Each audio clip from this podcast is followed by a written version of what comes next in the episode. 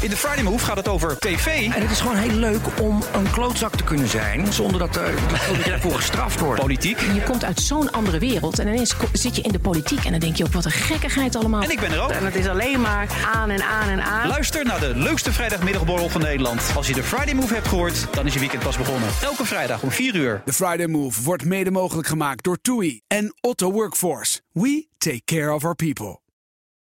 BNR Beurs wordt mede mogelijk gemaakt door Bridge Fund. Make money smile. BNR Nieuwsradio. BNR Beurs. Wesley Weerts en Jochem Visser. Daar zijn we weer, de podcast voor de slimme belegger. Het was een bijzondere dag, want de eerste AX-bedrijven kwamen dit kwartaal met hun resultaten. Even voor we beginnen, Jochem, wat is jou het meeste bijgebleven? Nou, dat bedrijf heeft geen AEX-notering. Oh, maar ik las dat het doek is gevallen voor de oude DVD-business van Netflix. En daar begon het natuurlijk allemaal mee, eh, 25 jaar geleden. En inmiddels wordt het dus geen DVD's meer verhuurd. Nou, om eerlijk te zijn, wist ik niet eens dat ze nog die DVD's verhuurden. Nou, het zal je verbazen, maar vorig jaar kwam daar dus nog een omzet uit van 145 miljoen dollar, las ik eh, online. Oh, echt waar? Ja, ik ging even naar de website, die is nu dicht. Nou, oh, dus dat is niet meer mogelijk. Nou, we gaan straks die cijfers van Netflix uitgebreider analyseren. Eerst terug naar de AX. Die sloot 0,4% lager, iets boven de 760 punten. Grootste stijger, Heineken, krijgt er 4% bij. En het was een van die bedrijven die met resultaten kwam. En ja, waar zouden we in deze cijfer-tsunami zijn... zonder Jean-Paul van Oudhuizen van Markets Are Everywhere en eToro, onze gast vandaag. Nou Jochem, jou viel die ouderwetse DVD-business op. Ik zag nog wat anders, hè, want ik zeg altijd... een uitzending van BNR Beurs is niet compleet zonder eh, Tesla.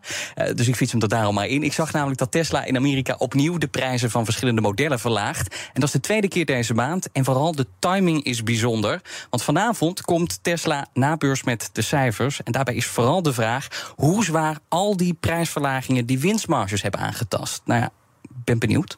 Nou, laat ik dan ook even het wat saaiere macrobericht voor mijn rekening nemen. Want vandaag werd bekend dat de Europese inflatie is gedaald naar 6,9 procent.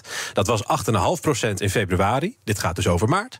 Eh, voor de vijfde maand op rij gedaald dus. Maar ja, als je onder de motorkap kijkt, dan word je niet meteen vrolijk. Dat zei econoom Edin Mujagic eerder op BNR. Dat is dat de kerninflatie licht is gestegen. Dus dat is inflatie zonder voedsel- en eh, energieprijzen. Dat geeft toch aan dat die inflatie hardnekkiger wordt. En als je naar het dienstendeel van de economie kijkt, dat is het grootste deel en het meest hardnekkige deel als we het over prijzen hebben.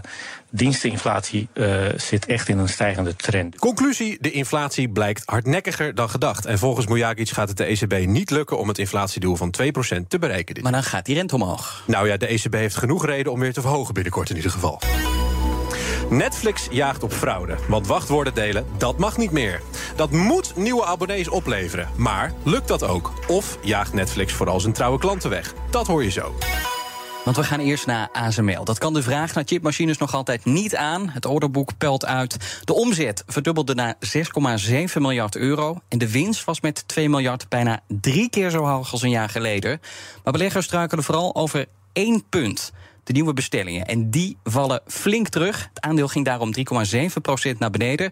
Jean-Paul, die bestellingen namen met 40% af. Hoe komt dat? Nou ja, eh, omdat er dus eh, minder eh, klanten minder besteld hebben. En dat is terecht wel een punt van zorg, want dat is wel een trendbreuk. Dat hebben we de afgelopen twee jaar niet gezien bij ASML. En is dat te linken aan al die berichten die we de afgelopen tijd zagen? TSMC, Samsung, die eh, zeiden van ja, dat chiptekort is nu voorbij. Eh, wij schroeven de productie wat terug. Is, is dat aan elkaar te linken, die twee dingen? Ja, niet heel specifiek van dit bedrijf heeft er zoveel minder besteld. Maar in zijn algemeenheid zie je natuurlijk dat uh, voorraden zijn opgebouwd in de chipindustrie. En dat uh, toch een aantal bedrijven zijn die zeggen: Nou, weet je, even wat rustiger aandoen. Dus uh, ja, waarschijnlijk komt het op latere tijd wel terug. Maar op dit moment is het duidelijk wat minder. Maar ja, Jean-Paul, ze hebben een orderboek van bijna 40 miljard. Hoe hard loopt dat leeg? Niet zo snel, toch? Nee, het loopt niet zo snel uh, leeg. En dat is ook het, uh, ja, het lastige eigenlijk bij het, uh, het evalueren van ASML. Dan kan je natuurlijk makkelijk zeggen: joh, weet je, dat gaat hartstikke goed.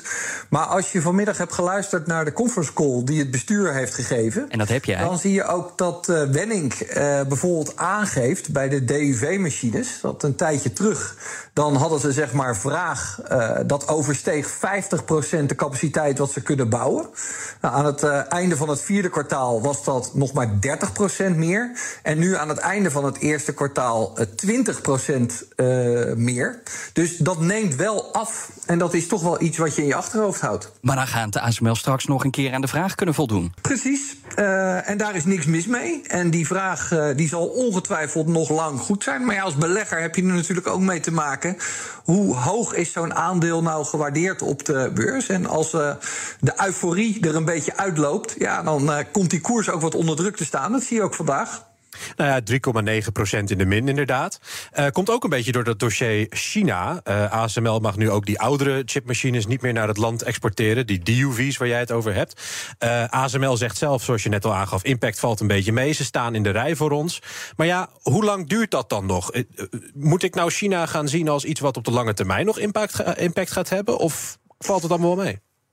Ja, kijk, je kunt er niet omheen dat zoiets natuurlijk impact gaat hebben. Ik bedoel, uh, dat zou gek zijn als dat niet zo is. Het is alleen ontzettend moeilijk te beoordelen. Gisteren gaf uh, Mickey Adriaansens, de minister van Economische Zaken, nog een interview in de Frankfurter Allgemeine. Waarin ze aangaf dat ze verwacht dat de nieuwe exportvergunning in uh, juli wordt afgegeven. Dus ja, bij de volgende kwartaalcijfers weten we daar meer over. Ja, en dan kunnen we het misschien uh, beter waarderen. Kijk, die vraag uit China, die is er. Als je niet mag leveren, is dat lastig. En vervolgens is de vraag, is dat tijdelijk? Komt dat op een gegeven moment toch weer terug? Dan ziet het er heel goed uit. Maar als het een vraag is die gewoon volledig wegvalt... ja, dan moet je toch weer gaan kijken naar de waardering van zo'n bedrijf. En hoe groot is het aandeel van China nu in de omzet? Nou, het zat uh, in het eerste kwartaal ongeveer op 8%, als ik het uh, goed heb. Uh, dat was 9% daarvoor. Dus ja, rond het even af op 10. is is niet onoverkomelijk, maar het is wel een deel. Jean-Paul, kan ASML nog naar minder geavanceerde machines overschakelen... en daar marktaandeel winnen om die sancties te omzeilen? Nou, dat is wel interessant. Als je kijkt naar de presentatie die ze vandaag ook hadden, dan zie je dat ze echt wel een uh, poging doen om wat meer in de breedte ook machines uh, uh, aan te leveren. Ja, dus niet alleen maar EUV en DUV, maar die hele nieuwe fabrieken die gebouwd worden, daar proberen ze ook wat nieuwe machines te krijgen. Bijvoorbeeld de Yieldstar, dat is er zo eentje. Ja, dat zijn allemaal nog geen hele grote aantallen. En bovendien zijn ze natuurlijk wel een stukje goedkoper dan die paradepaardjes. Maar dat is wel iets waar je in de toekomst wel meer van kan verwachten. Nou ja, dat is dan innovatie naar iets simpelers dus, wat je wel aan China mag verkopen. Maar is er nog iets interessants te zeggen over de innovatie bij ASML? Bijvoorbeeld echt nieuwe, grotere, duurdere machines, technieken? Of is de voorsprong van 20 jaar op de concurrentie al groot genoeg? Nou ja, dat is eigenlijk wat ik net zei. Uh, kijk, de, okay. de, de, echte innovatie zit in die EUV en die high EUV. Er blijft altijd weer wat nieuws aankomen. Hm. Uh, maar de, de, de echte ontwikkeling zit verder in de breedte, zoals ik het zie. Dan een Heineken, want dat verkoopt minder bier voor meer geld. En daardoor stijgt de omzet met 9%. Wel viel in bijna alle markten de verkoop terug. En ook de netto winst die daalde licht. Heineken houdt gewoon vast aan de doelstellingen voor de rest van het jaar, Jean-Paul. Maar ja, dan moet die winst omhoog. En jij bent altijd de man van het realisme. Gaat dat ook lukken? Nou, Heineken is gewoon een mooi verhaal. Ze hebben een, een strategie die mij aanspreekt. En ze, ze proberen het bedrijf te veranderen. Meer naar premium. Uh, ook een aantal andere dranken proberen ze te ontwikkelen. Ja, en um, ik, ik, denk dat je daar vertrouwen in mag hebben. Dat bleek vandaag ook op de beurs. Het aandeel ging ook met een mooie bijna 4% omhoog. Dan moet die tweede helft van het jaar wel veel beter zijn. Waaruit put jij dan Nou, met name dat waar je zag uh, in de regio's of de landen waar het tegenviel, dat lijkt toch allemaal tijdelijk te zijn. Ze hadden een uh, flinke omzetdaling bijvoorbeeld in Afrika vanwege Nigeria. Dat is een beetje ja, uh, apart verhaal. Daar probeert de regering over te gaan naar een soort digitale munt. En daardoor houden mensen nu allemaal de bankbiljetten in huis. Wordt er minder uitgegeven. Ja, dat zal op een gegeven moment wel weer opgelost zijn. En ook in Vietnam. Dat haalde de Aziatische cijfers wat naar beneden. Lijkt toch sprake te zijn van tijdelijke effecten. Ja, daar staat tegenover dat Europa en Amerika echt duidelijk beter waren dan dat werd gevreesd. Nou ja, dat is, dat is bemoedigend. En waar zit de groei dan de komende tijd? Want ik zag bijvoorbeeld vorig jaar Azië heel hard gaan. Ja, nou, de, de, de regioverdeling die blijft denk ik wel een beetje hetzelfde. Maar waar de groei in kan zitten uh, voor uh, de bedrijfscijfers... is dat als op een gegeven moment de inflatie naar beneden gaat... dat een aantal van de kostenposten waar Heineken mee te maken heeft... dat ze daar ook uh, te maken krijgen met, met lagere kosten. Bijvoorbeeld voor het verschepen van spullen. Ook misschien op het gebied van, van energie. Uh, nou ja, dat kan op een gegeven moment wel weer zorgen voor iets betere marges. Nou, over kosten gesproken, want tot nu toe rekent Heineken ze gewoon door aan hun klanten. Hogere kosten voor energie, grondstoffen. Moeten die klanten nog meer prijsverhogingen slikken dit jaar? Nou ja, als die kosten hoog blijven, uh, dan wel. Maar de inflatie lijkt nu wel, uh, zeker op de gebieden waar Heineken last van heeft, ietsjes uh, af te komen. Maar grijpt Heineken dit niet aan om die marges nog wat verder te verbeteren... door die prijzen nog wat harder te verhogen voor de klanten de komende nou tijd? Ja, ze zijn in ieder geval uh, uh, zeer gekwalificeerd op het gebied van prijzen vaststellen. ja, je ziet toch wat we wel vaker zien in, uh, in een wat negatief uh, economisch klimaat. Ja, dat mensen toch uh, de, de dranken van Heineken en van andere bierbrouwers toch niet als eerste de deur uit doen als het wat krapper wordt. Nee, dan nog even naar Rusland, want dat zorgde voor flink wat ophef de afgelopen tijd. Heineken is dus niet alleen gebleven, maar heeft dus ook flink geïnvesteerd. Ze hebben echt als, uh, als razende eigenlijk allemaal nieuwe merken gelanceerd. Ze hadden voordat de invasie begon, zeiden ze zelf ongeveer 35 producten in, uh, in Rusland. Daar hebben ze nu 61 nieuwe merken in recordtempo uh, bij verzonnen. En Heineken heeft nu een koper gevonden voor de Russische tak van het bedrijf. Uh, wie die wil kopen en voor welke prijs, dat is nog helemaal niet bekend. Maar komt Heineken nou vrij met de schrik, Jean-Paul, nu er een koper is gevonden? Is, kan dit dossier nu een keertje dicht? Ja, daar lijkt het wel op. Kijk, ze hebben natuurlijk een jaar geleden de beslissing genomen van... god, dit hoort niet meer tot de kernactiviteit, we moeten hiermee stoppen. Toen gaven ze aan, uh, nou, we hebben daar 1800 medewerkers... daar zullen we voorlopig nog het salaris doorbetalen. Uh, we willen het hè, op een ordelijke manier overdragen. Je wil het ook niet helemaal uh, verloren laten gaan, zeg maar. Nou ja, dat heeft waarschijnlijk toch, duurt dat soort dingen weer langer... dan dat je zou hopen en verwachten dat ze meer producten op de markt hebben gezet. Ja, ik weet daar te weinig vanaf, maar dat klinkt wel als een ja, beetje 61 nieuwe verschillende dranken, hè, mag ik even. Ja, de, ik, uh, ik weet er het fijne niet van, maar dat klinkt, uh, dat klinkt bijzonder. Maar ik denk dat ze blij zijn. Uh, het was voordat dat allemaal ging spelen 2% van de omzet. Hè, de, de omzet uit Rusland op het totaal. Dus uh, ik denk dat ze blij zijn als ze het boek kunnen sluiten en gewoon weer verder kunnen. Nou, Jochem, er is er de afgelopen kwartaal minder oranje fietsen en brommertjes uh, op onze binnenstad. Is opgevallen? Nou, ik moet zeggen, ik vind Uber iets de laatste tijd een stuk beter functioneren. Dus ja, voor, de, voor de duidelijkheid, ik heb het hier over er soms levensgevaarlijke couriers van Just Eat Takeaway. Want het aantal bestellingen nam afgelopen kwartaal met 14% af. En ook de waarde van al die bestellingen liep terug. En dus moest topman Jitse Groen opnieuw slechte cijfers presenteren aan de aandeelhouders. Wel verhoogt de maaltijdbezorger de winstverwachting voor dit jaar. Jean-Paul, aan welke knoppen moet je nu draaien om en de baas te zijn in die competitieve markt en winst te maken. Ja, ik had zo gehoopt, uh, Wesley, nu dat aandeel gedegradeerd is naar de midcap, dat het wat minder vaak voor zou komen. maar, ja, we, we, weten dat dit niet jouw favoriete aandeel is, dus we, juist we daarom doen we het. Uh, over hebben. Ja, dit is ook weer zo'n vraag. Ja, ik weet het niet. Ik ben blij dat ik het bedrijf niet uh, hoef te runnen. Het zijn dunne marges, het is waanzinnig competitief. de minimumlonen gaan omhoog. Uh, ja, het is, het is een onwijze vechtmarkt. Het is ontzettend moeilijk. En dan hebben ze natuurlijk ook nog die strategische dossiers, of met name het verhaal met Grubhub liggen. Ga ja, er maar aan. De bakel. Netto winst maken doen ze ook nog niet. Gaat dat gebeuren dit jaar, verwacht je? Nou ja, ze zeggen van wel. Maar als ik naar Geloof de omzetten kijk vandaag. Nou ja, ik, ik ben al lang afgehakt. Het is, je ziet het nu weer met 14% teruglopen gemiddeld. In uh, de grootste markt in Amerika, min 17%. Uh, ze hebben daar een maand geleden de, de, ja, zeg maar de CEO van, uh, van Amerika vervangen. Door degene die Canada leidde. Gaan we het weer opnieuw proberen. Kijk, uh, waar de hoop vandaan moet komen voor mensen. is dat er ergens een uh, waanzinnige deal wordt gemaakt. om met iemand te gaan samenwerken voor Grubhub. Op een gegeven moment dachten we dat dat misschien die samenwerking met Amazon was. Dat lijkt in ieder geval toch nog niet echt van de grond te komen. Dus we laten ons graag verrassen, maar ik zie het nog niet. Nou ja, dan is er nog de, de, het hele punt nu is dat er heel veel cadeautjes aan aandeelhouders worden gegeven. Om dat maar te spekken dan. 150 miljoen aan aandelen wordt ingekocht en dergelijke. Wat zegt dat nou over de bezorgsector? Uh, het, het antwoord was altijd groeien, groeien, groeien. De 150 miljoen gaat nu naar aandeelhouders. Is het afgelopen dan het groeiverhaal? Nou, kijk, um, als je naar het bredere plaatje kijkt, dan uh, zien we natuurlijk dat er. De centrale banken hebben de rente verhoogd, er komt minder krediet, er is minder investeringsgeld beschikbaar. Dus dit is ook niet een markt om te groeien. Ja, en investeerders zullen zeggen: van nou, moet luisteren, voordat ik überhaupt nog een cent in jouw tent steek, wil ik wel graag zien dat het wat op gaat leveren onderaan de streep. Dus dat is wel goed uit te leggen dat ze daarop focussen om te zorgen dat ze in de plus uitkomen op allerlei manieren. BNR Beurs. Wall Street dan. Beleggers zijn niet heel erg in de stemming vandaag. De Dow Jones staat 0,2% lager. De S&P 500 0,1% en de Nasdaq staat vlak. En ik zag nog de kwartaalcijfers van Morgan Stanley, uh, laatste van de grootbanken, dus ik zal het even kort houden. De renteomgeving verandert en dat heeft grote gevolgen bij alle banken.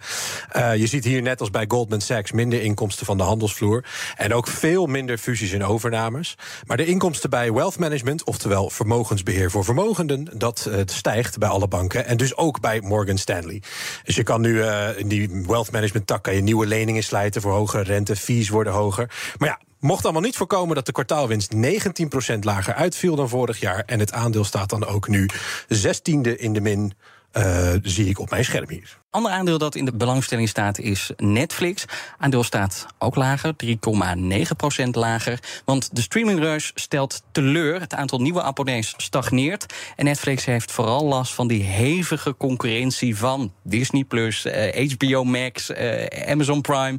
Ben ik er een vergeten, Jochem? Hulu, Videoland. Kan ik even doorgaan? Ja, Videoland hebben ze misschien niet heel veel last, uh, last van. Is te klein, denk ik. Maar ja, goed, iets minder dan 1,8 miljoen nieuwe abonnees kreeg Netflix er afgelopen kwartaal bij. En een kwartaal eerder was die groei veel groter. Toen nam het uh, abonneebestand met bijna 8 miljoen toe. Het aandeel duikt dus ook omlaag. Jean-Paul, ben jij net zo negatief over de cijfers? Nee, nee. Ik ben helemaal niet zo. Die, die daling die was trouwens heel gek, hè? Want dat aandeel dat ging uh, na de bekendmaking met 8 of zelfs 10 procent, zeg jij, naar beneden. Ja. En uh, nou, een paar uur later stond het gewoon weer uh, onveranderd. Ja, dus nu wel weer lager. Wat daar nou gebeurt, ja, nu wel weer lager. Kijk, um, Netflix zit ook in het bakje. Dat was natuurlijk een enorm groeiverhaal. Dat is echt, echt eentje uit de schoolboeken van hoe moet je een bedrijf laten groeien. Ja, en hoe je het ook went of keert, ze hebben dan allemaal plannen hè, om dat password sharing, um, paswoord delen, om dat tegen te gaan, om advertenties toe te voegen. Ja, dat gaat toch niet de. Uh, ongebreidelde groei weer terugbrengen die we jarenlang hebben gezien. Dat is ook eenmalig, toch? Ik bedoel, dat is één klapper. Dan, dan heb je een keertje 20, 30 procent erbij en dan is dat weer over, toch? Ja, en dan zit je weer. Ik denk dat het bedrijf zit prima in elkaar. Alleen, ja, weet je, als belegger kijk je weer naar die beurskoers. En dan is het gewoon relatief hoog gewaardeerd. Het is gewoon nog steeds gewaardeerd op groei. Ja, en dat is toch lastig te zien uh, waar dat dan exact vandaan komt. Dit is wel een aandeel waar je heel veel fantasie bij kan hebben. Want ze hebben natuurlijk een enorm klantenbestand. En als het ze op een gegeven moment lukt om aan dat klantenbestand toch ook nog iets anders te slijten. Ja, dan kan je weer een tijdje vooruit. Maar dat hebben ze op dit moment nog niet gevonden. Nou, over dingen slijten aan klanten. Want we hadden het net over het, het delen van wachtwoorden, tegengaan daarvan. Die uitrol loopt overigens wel wat vertraging op in Amerika. Maar een andere manier om meer abonnementen te zijn goedkope abonnementen met advertenties. Ook iets waar Netflix op inzet. Wat verwacht je daarvan? Gaat dat echt veel meer abonnees opleveren? Nou ja, dat is misschien een optie. Kijk, ik, ik denk dat een hele hoop mensen, eerlijk gezegd, uh, vinden dat ze bij Netflix waar voor hun geld krijgen. Kijk, het is een beetje vervelend als natuurlijk periodiek het abonnementsgeld weer omhoog gaat. Maar als je ziet wat voor een collectie dat je toegang tot krijgt als je een abonnement hebt, denk ik dat de meeste mensen zeggen: Nou, weet je, dat is uh, ook weer niet een van de dingen die ik als eerste de deur uit doe. Kijk, wanneer ga je naar zo'n uh, zo'n goedkoper abonnement op het moment dat je zegt: Ja, ik moet nu echt in mijn budget gaan schrappen. Uh, dat je denkt, nou ja, dan maar dat. Maar ik denk niet dat dat bovenaan de lijstje staat. Ja, Netflix schrijft uh, zelf in het verslag ook: de concurrentie blijft moordend. Uh, dat is ook de reden dat vorig jaar voor het eerst uh, een keertje het aantal abonnees tegenviel. Als je als belegger naar de streamingpaarden kijkt, hè, op welke zou jij dan eigenlijk wedden? Nou, zo te horen Netflix, denk ik. Nou ja, ik hoor wel wat, ja. Ja, ik, ik vind Netflix uh, spreekt mijzelf wat dat betreft, uh, ondanks dat ik overigens uh, niet heel vaak kijk, maar wel het meeste aan. dat ze toch ook echt goede hoor ik dan van andere video's, uh, of video's, uh, films en, uh, en series maken. Dat blijft natuurlijk wel iets wat ontzettend veel geld kost en wat je moet blijven doen. Maar ik, ik denk dat een hoop abonnees tevreden zijn met het aanbod dat ze krijgen daar, ja. Nou, Jean-Paul kijkt dus niet echt naar Netflix, maar wel naar het aandeel Netflix. ja, en kijk voor. En laten we dan nog even kijken wat er morgen op de agenda staat. het cijferseizoen draait op volle toeren. Voor beurs komen automakers Renault en Volvo met kwartaalcijfers. En na beurs mag je nog genieten van de creditcardcijfers van American Express. Toch een mooie graadmeter voor de economie in de Verenigde Staten en de rest van de wereld. Voor degenen die willen rekenen op een trouwe klantenbasis... is er om drie uur middags de conference call van tabaksreus Philip Morris... met de cijfers van het eerste kwartaal. Voor de macro-economen onder ons is de berg Europese cijfers niet te missen. De arbeidsmarkt, de economische groei, de internationale handel... alle Europese cijfers vallen voor de middag op de mat. Kortom, het cijferbuffet is rijkelijk gevuld. Veel succes met de keuzestress. Jean-Paul, jij wilde nog wat zeggen. Maar ja, goed, we zijn bijna aan het einde van deze uitzending. Maar ik geef je wel nog even het laatste woord. Want we sluiten altijd af met een tip of wijsheid. En die is extra welkom in deze drukke periode van het jaar. Dus Jean-Paul, wat wil jij ons meegeven? Nou ja, kijk, op dit moment is uh, beleggen super spannend. Dat gebeurt van alles. Uh, maar ja, tegelijkertijd is het ook een markt waar eigenlijk zoveel gebeurt, zoveel onzekerheid in zit. Je hoort wel eens een keer de beurswijsheid van. Uh, trouw met je aandelen. Ja, koop ze, leg ze op de plank en uh, ga er nooit meer vanaf. Ik denk eerlijk gezegd dat dit op dit moment uh, meer een markt is om ze af en toe een keer op date te gaan. En maar niet meteen met allerlei aandelen te trouwen. Nou, we hebben het genoteerd. Dit was hem. En dit was voor jou voorlopig de laatste, Jochem. Nou ja, totdat jullie een keertje samen de verkeerde sushi eten, ja. nou ja, Jelle, eh, die zou er morgen weer zijn. Maar die is ziek. Die heeft zich waarschijnlijk tijdens de vakantie helemaal vol zitten proppen. Uh, dus ik ben alleen morgen, maar wel met een fantastische gast. Hans Oudshoorn van Saxo Bank is er. Jean-Paul uh, vanuit Huisten van Marcus Everywhere. En Itoro, fijn dat je er was. En jij, tot morgen. En ik tot morgen, maar dan ben ik er niet. BNR Beurs wordt mede mogelijk gemaakt door Bridge Fund. Make money smile. We zijn altijd maar onderweg. Altijd in voor een alternatieve route. En altijd zo snel en het liefst ook zo duurzaam mogelijk. BNR Mobility. Altijd op maandag om half twee. Met Meijnerd Schut. En natuurlijk altijd met Nout Broekhoff. Oh ja, en je kunt het ook altijd terugluisteren in je favoriete podcast-app. Abonneren maar. Altijd doen. BNR Mobility wordt mede mogelijk gemaakt door ALD Automotive en Leaseplan.